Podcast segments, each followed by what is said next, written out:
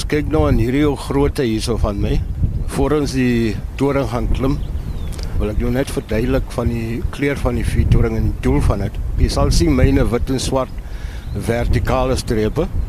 Soos die kaptein of die navigator op die skip, as hy wil presies wil weet waar hy gedurende die dag is, vat die blote oog of die verkyker identifiseer dit op 'n lys van navigasiemiddels rondom die Suid-Afrikaanse kuslyn. En as dit kry dan weet jy presies dis die groot vispunt Vitoring. Waar die wind altyd so. Dis normaal hierdie. Ek het nou eendag gesê kyk, uh, hulle moet hom nie meer die groot vispunt Vitoring noem nie. Hulle moet hom uh, die windgat Vitoring noem want uh, dis altyd wind. Martin Petersen, jy's al 14 jaar hier by die Groot Vispunt Lughuis buite Port Elfrid, naby Kleinemonde. Maar 'n mens kry nie maklik sommer so 'n werk nie. Helemaal moet my pa begin. Hy het begin daar by Kaap Columbine, Victor en daar by Paternoster. Hy het bietjie aflosse doen daar as 'n algemene werker. En hier in 1952 toe verplaas hulle hom Kaap St. Francis toe. My ma daar ontmoet en uh, ek was gebore gewees so 51 jaar terug. En voor hy afgetree het, het hy gesê ek sal like om een van my seuns my voetspore oor te vat. En ja, toe kom die tyd, hulle het my ingeroep. Hulle sê kyk, jy gaan nou pas se spore oorvat as algemene werker gewerk daarso op Kaapse Francis. Ek het uh, eintlik maklik gewerk want toe ek groot geword het, het ek maar saam met hom gewerk toe klein gewees het. So ek het presies geweet uh wat sy werk gewees het. En ehm um, eendag dink ek was hier in 1992 op 'n Vrydag sê die fietsroer wagter vir my kyk hierso een van die visserstrollers sal daar in die baai inkom. Hulle het 'n beseerde bemanningslid, maar een van hierdie Oryx uh, helikopters sal hom kom afhaal. So ek moet net 'n oogie hou oor wat gebeur. En so 20 minute hoor ek die helikopter van die verkyker helikopter vlieg so drie keer om die boot en all of a sudden val hy in die see. En ek is in die kantoor so ek moet nou oorvat wat die vuurtorenwagter sou gedoen het. En ek bel die hawe kaptein in Port Elizabeth. En hy sê my nee man, dit kan nie wees nie. Ek sê vir hom die helikopter het in die water geval. Hy sê oké, okay, bel die nodige uh, rescue authorities. Gelukkig was daar ook klein vissersbote in die omgewing. Hulle het ook ingekom. Dag daarna het ek in die hoofkoerante voorbladsy die opskrif was gewees uh, vuurtorenwerker was uh, involved met die rescue. Ek het 'n sertifikaat gekry wat ook al. Maar ek dink seker so 3 maande daarna toe kom die hawe kaptein na my toe. Ek is besig om te vee om te besig met sê dit wat jy wil wil doen vir die res van jou lewe. En ek sê nee, maar ek geniet wat ek doen. Ek is lief vir wat ek doen. En hy sê vir my nee, maar is iets anders wat jy moet doen.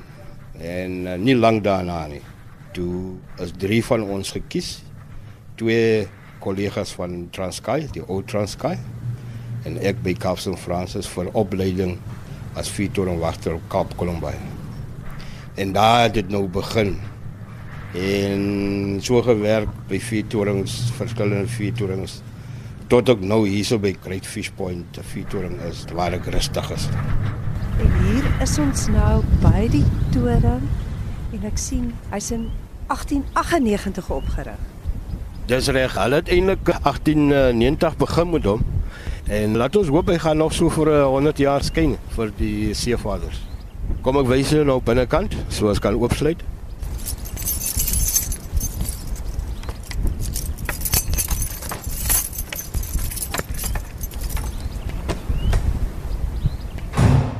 Ons kan hier opstap. Dis 54 trappies. Ons kan maar lekker Jimmy op. Jy sal sien al die eyster is uh, Victoriaanse styl en dan die konkrete struktuur is gebou deur Mr. Schultz van Gravinet.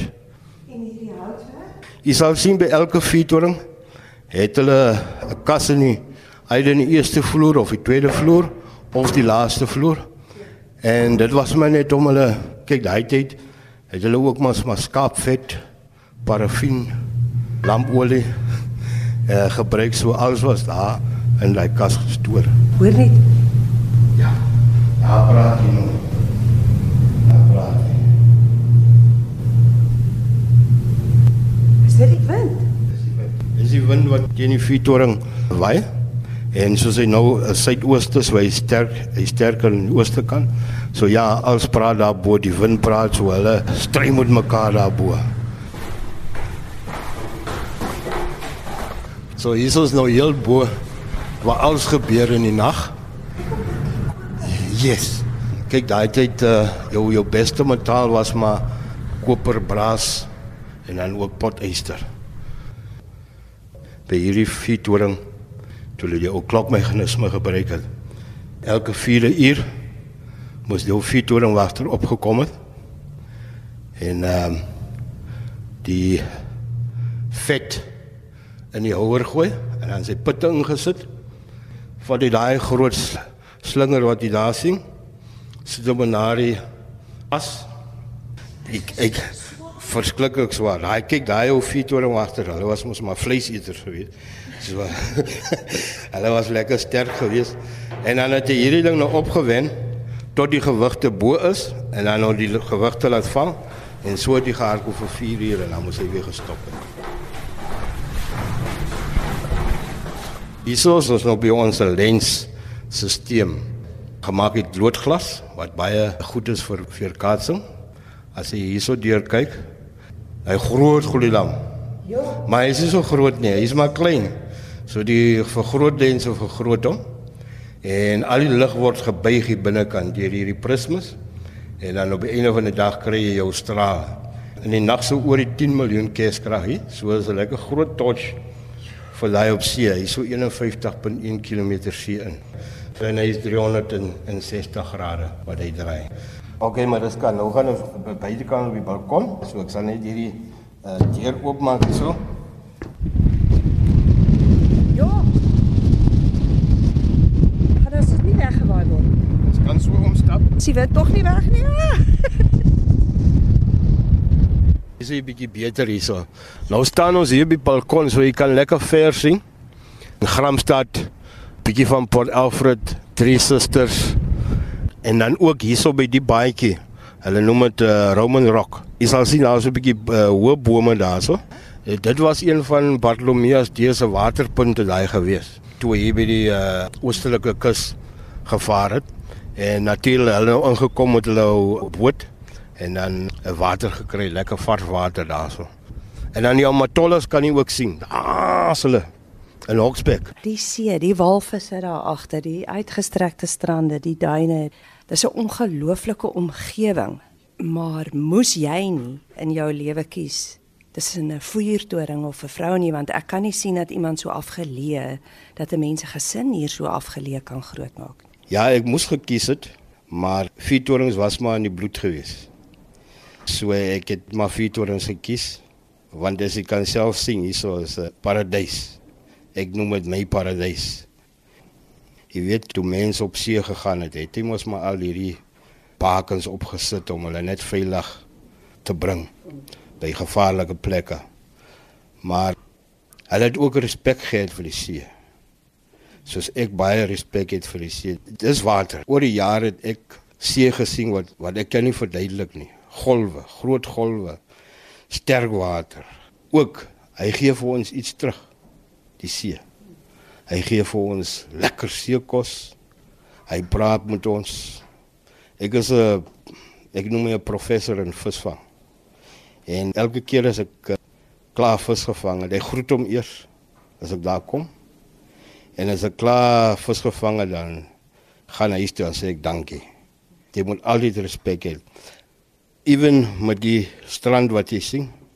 Baie mooi strand. Elke dag as ek werk toe kom as daar 'n ander sien. Sandene wat verander. Miskien soos nou die walvisse. Baie pragtig om te sien. Dolfyne. En dan ook die Ons is amper omring deur 'n 'n wildreservaat. So ek het 'n baie goeie voorreg om hier te werk want vat die verkyker, kyk in die wildreservaat, giraffes, vitrenosters, buffels, ook beide kant die wildreservaat, baie wildlewe. So ja, is 'n klein paradys wat ek hier het. Baie mense hulle kom hier so aan in die gastehuise wat ons ook het hier so. En hulle sê kyk Martin, sit af die TV, sit af die ligte. Ons wil net luister aan die see. En uh baie mense gaan ook in die bosse.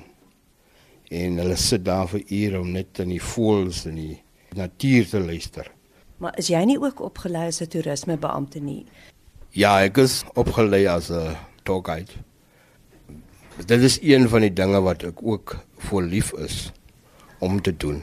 Toerisme inbring was 'n goeie ding geweest met die gastehuise. Want daar is mense wat sê ag, hulle het maar net gedink dis 'n lig wat daar skyn vir die skepe. Maar as jy nou verduidelik van vier torens en jy vat hulle in die toring in op, sorry. En hulle sien hoe die ou mense gewerk het of die ou vier toring wagters gewerk het met die tegnologie wat nou daar is, dan uh, het hulle ander insig van vier torings. Dit is baie interessant dat jy dit sê want die 50 plussers van in die 60ers um, in Suid-Afrika sal onthou daar was 'n tyd toe jy nie naby 'n vuurtoring mocht kom nie dit was 'n strategiese punt en nou sê hulle kom kom kyk na ons. ja ek het groot geword in daardie tyd. Ewen hier nie in die 80s ook van hulle. Jy mag nie foto's vat nie. Hekkers gesluit government property. Nou met toerisme in Suid-Afrika wat baie groot is ons ontvang mense van oor oral in die wêreld. Ek dink Vuurtoring roep die mense om te sê kom, kom kyk aan ons want hulle is so op 'n unieke plekke geleë. Uh, soos jy self sien hierdie ene baie mooi. En as ewen wat baie mooier is die is. Maar van hulle is nie is nie toeganklik nie. Ek hoor elke vuurtoring wagter het altyd geselskap want dit spook by 'n vuurtoring.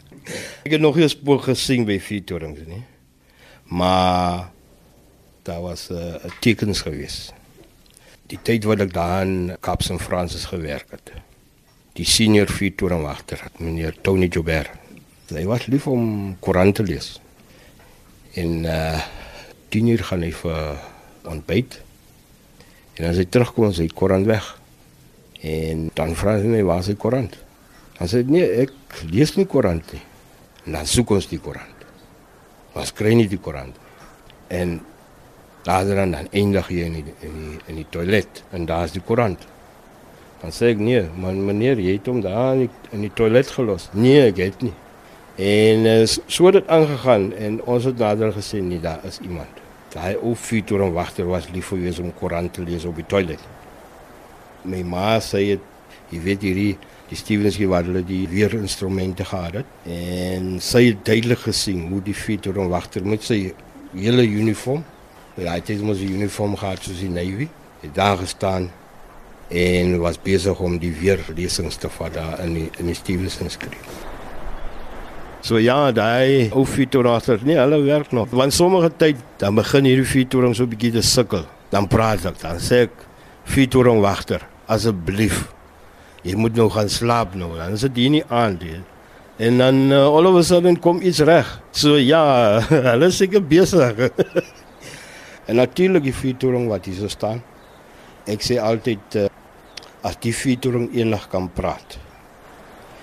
Dan sal hy vir ons baie mooi stories vertel. Maar die eerste stories wat hy vir ons sal vertel is storms. Storms want soms as ek daar nie toring is en die wind waai. Soos die wind praat, so praat die die vuurtoring terug. Want uh, vir amper 116 17 jaar moes hy daai storms getrotseer het. Onmiddellik as daai lig begin draai, dan weet jy jy gee daai diens aan daai seevaders daar op see is baie belangrik dat hy lig brand. Ek doen dit nou vir 31 jaar. En as ek in die oggend opstaan, sê jy sê hier in die oggend en ek gaan badkamer toe, ek gaan gaan drink 'n glas water. Dan kyk ek maar altyd deur die venster of hy brand. Because tegnologie kan jy ook maar hy skakel outomaties aan. Maar tegnologie kan ook weggooi.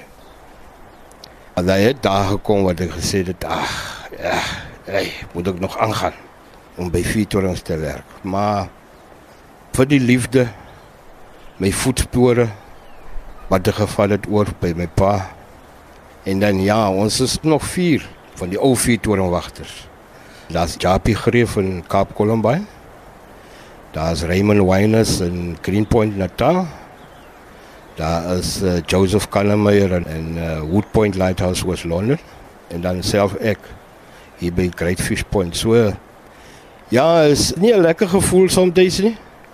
Maar soos die maatskappy ook verander, moet jy ook maar saam met die maatskappy verander because as hulle tegnologie inbring, dit maak beter vir jou, maar daar's baie goede wat wegval. Soos ons het weer berig gedoen by 'n vuurtoring. Ons het uh, skepe wat verbygaan het ons gelok en die aand het jy gekom as jy self jou lig aan. Dit het weggeval en dis makliker nou, minder probleme. Maar ek is ook hartseer want die dag as ek moet die ou groot groet. Ek weet nie hoe die ou vuurtoringwagters gevoel nie wat 34 43 jaar diens het. Hoe hulle dit gedoen het nie.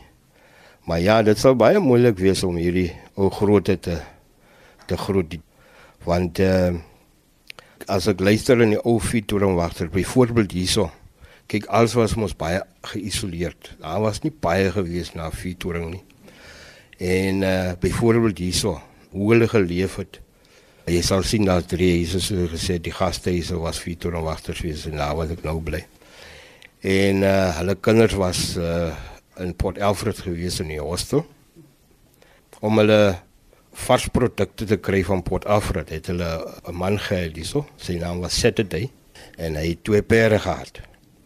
En uh, hy het nou die Woensdag het hy nou Port Alfred toe gegaan en dan Saterdag kom hy nou weer terug.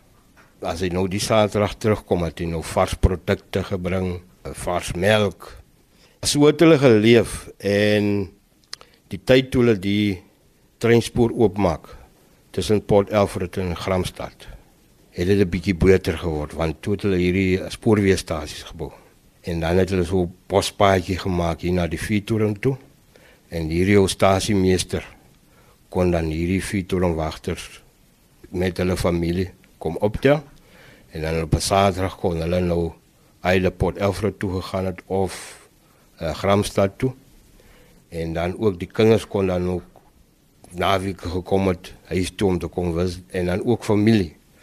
En dan so ook het dit beter geword, al hoe beter smart paaie word gebou. Fietsor en wagter karre gekoop. So vandag as jy kyk ook hierso, jy sien meer baie geïsoleerd nie. Hierdie fietsoring is oop vir dagbesoekers met die gaste is so binne 'n uur kom maar iemand en jy gesels en dan sê jy alright maar so 3 dae as jy sien nie mense nou wat jy bietjie word jy worry so bietjie wat gaan aan. Die 45 werkende vuurtorings om die Suid-Afrikaanse kus is basies almal outomaties. So dit is eintlik onnodig om 'n vuurtoring wagter daar te hê.